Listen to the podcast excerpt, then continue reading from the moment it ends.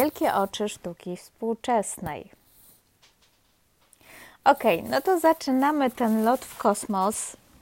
Pełen białych płócien ze szramą, białych kwadratów, e, bananów przyklejonych do ściany za pomocą taśmy klejącej i oczywiście bazgrołów e, identycznych jak te, które przynosiliśmy z przedszkola, a większość rodziców pieczołowicie archiwizowało je w teczkach. Kpin, obiegowych opinii o sztuce współczesnej jest dużo i dużo wynika tak naprawdę z dość racjonalnego rozumienia, zwłaszcza tego o podłożu ekonomicznym. Gdyby te prace nie były warte miliony, na pewno wzbudzałyby mniejsze kontrowersje. Problemem jest również podstawowa edukacja na temat sztuki, która zatrzymała się gdzieś na Picassie, a umówmy się, mm, to tak jakby w radio w kółko puszczali Elvisa Presleya, który choć oczywiście wciąż żyje i jest genialnym muzykiem, jest dalekim echem przeszłości tego, y, co do dzisiaj w muzyce powstało. E, od razu przepraszam za wszystkie odgłosy w tle, które generuje mój kot, e, który bawi się wszystkim, co tylko można i ten podcast to dopiero start-up. Jeżeli mimo wszystko Was zaciekawi, e, to to, to, to dobry oznak mimo kota. Wracając do tematu,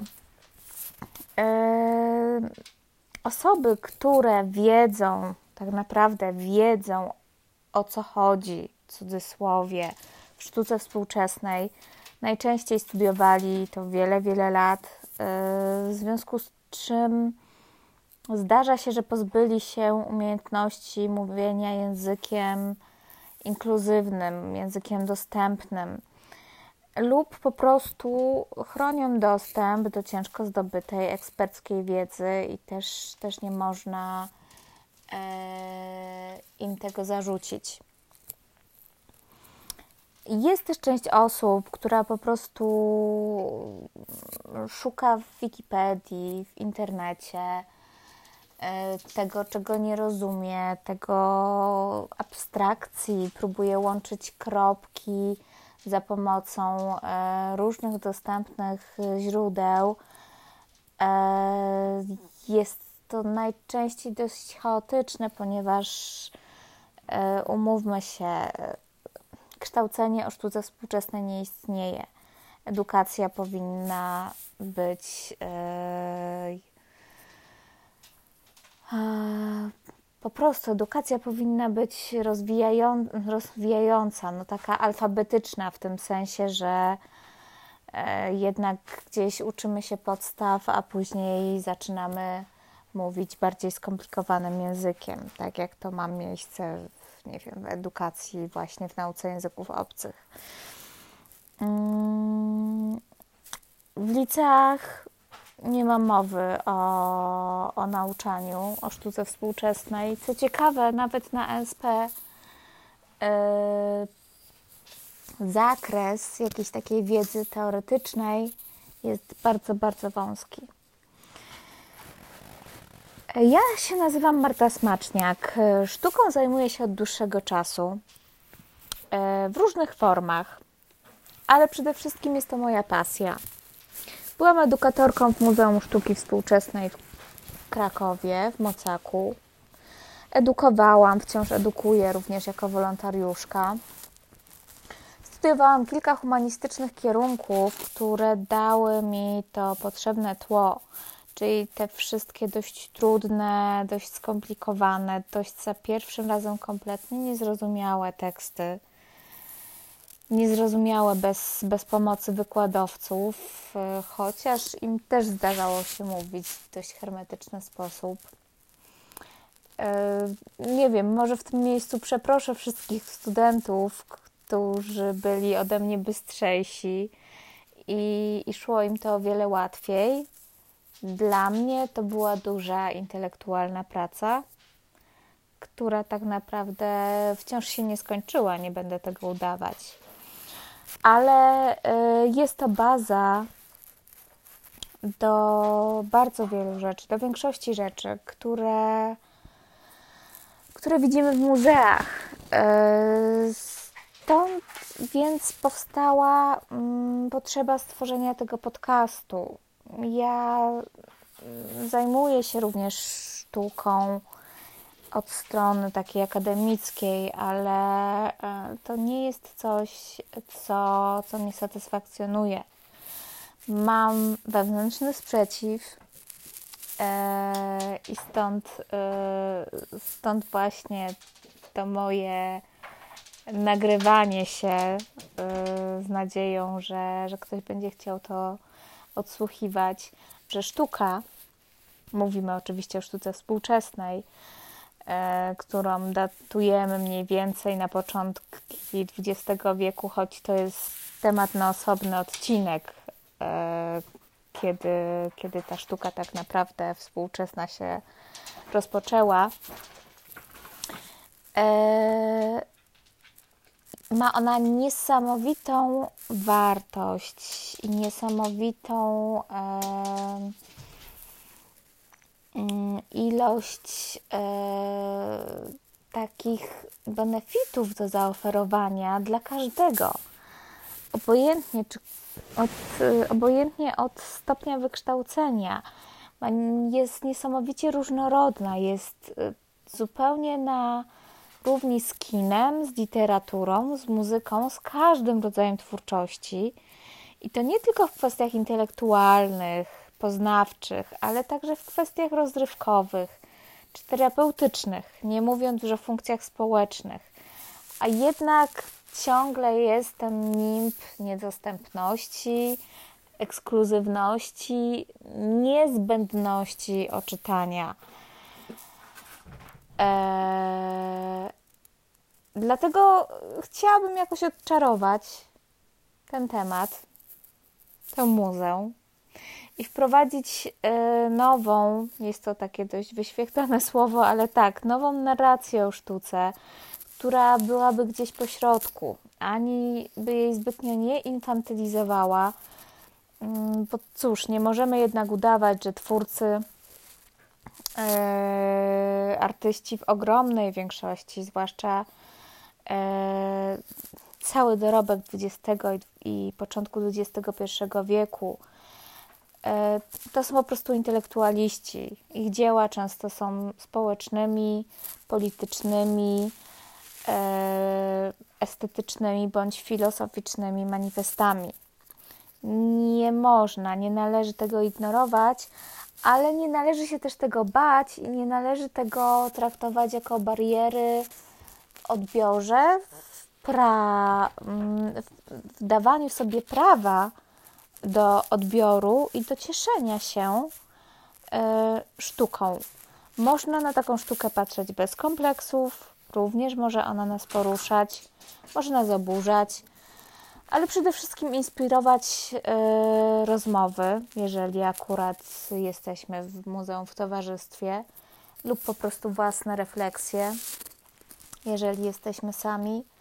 Jeżeli uczestniczymy w jakichś e, grupowych oprowadzaniach, na przykład, nie powinniśmy obawiać się zadawać pytań, nie powinniśmy się wstydzić, że czegoś nie wiemy, że czegoś nie rozumiemy, a nawet, że coś nam się nie podoba, obojętnie ile to kosztuje, jak bardzo jest uznane za kanoniczne.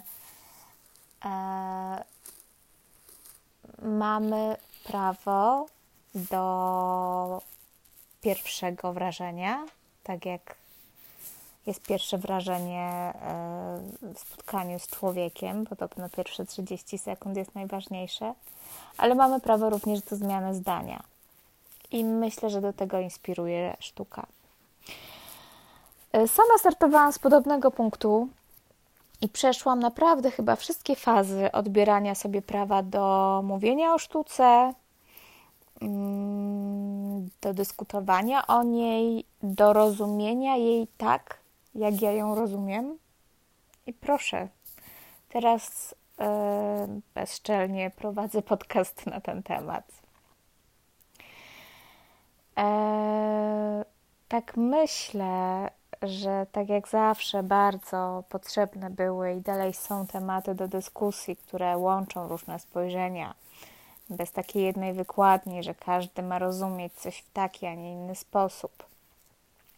Sztuka jest do tego świetna, ponieważ jej forma jest, nazwijmy to, bardzo kompaktowa. Owszem, są kluby czytelnicze, e, dyskusyjne kluby filmowe, których również jestem ogromną fanką, ale przygodę ze sztuką możemy rozpocząć zazwyczaj po prostu patrząc. A nawet nie tylko, ponieważ istnieje mnóstwo e, działań, i o tym również chciałabym nagrać odcinek, które y, mają na celu y, dostępność sztuki dla osób niedowidzących bądź y, niewidzących.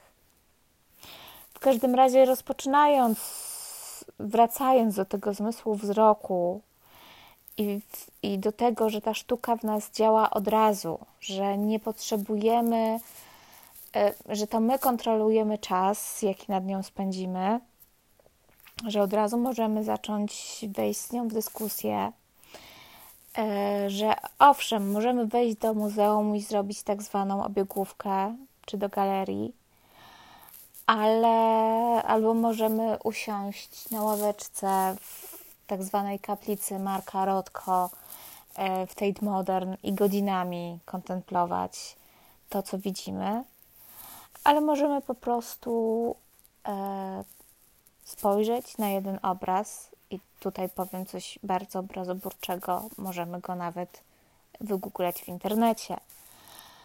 Mówimy o obrazach, oczywiście sztuka ma, ma wiele imion, ale, ale najbardziej tak to uprośćmy mm, do, do, do takiej prostej kwestii wizualnej, krótkiej, czyli y, obrazu albo rzeźby. E, więc jestem głęboko przekonana, że sztuka, jeśli chodzi o współczesność, ma dużą, dużą przewagę. E, jest to świetne narzędzie do tłumaczenia całej tej post, post, post współczesności, w której żyjemy.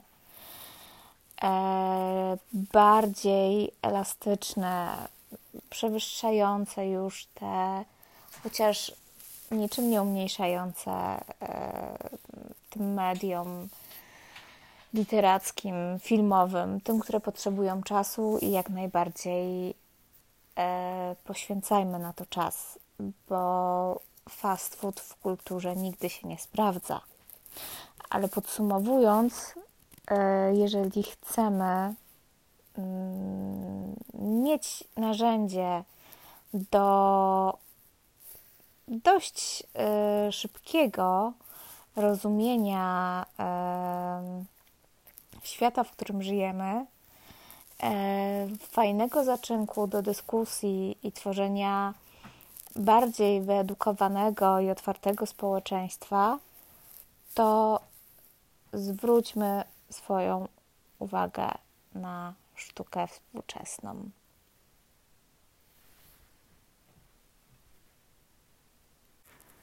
Przyznam się, że ten odcinek był yy, dość freestyle'owy, ale kolejne będą miały konkretne mm, tematy,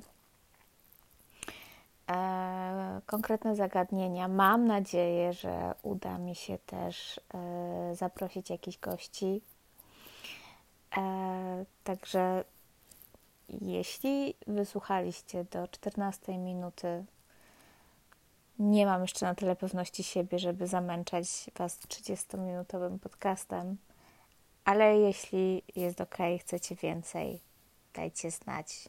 Pozdrawiam.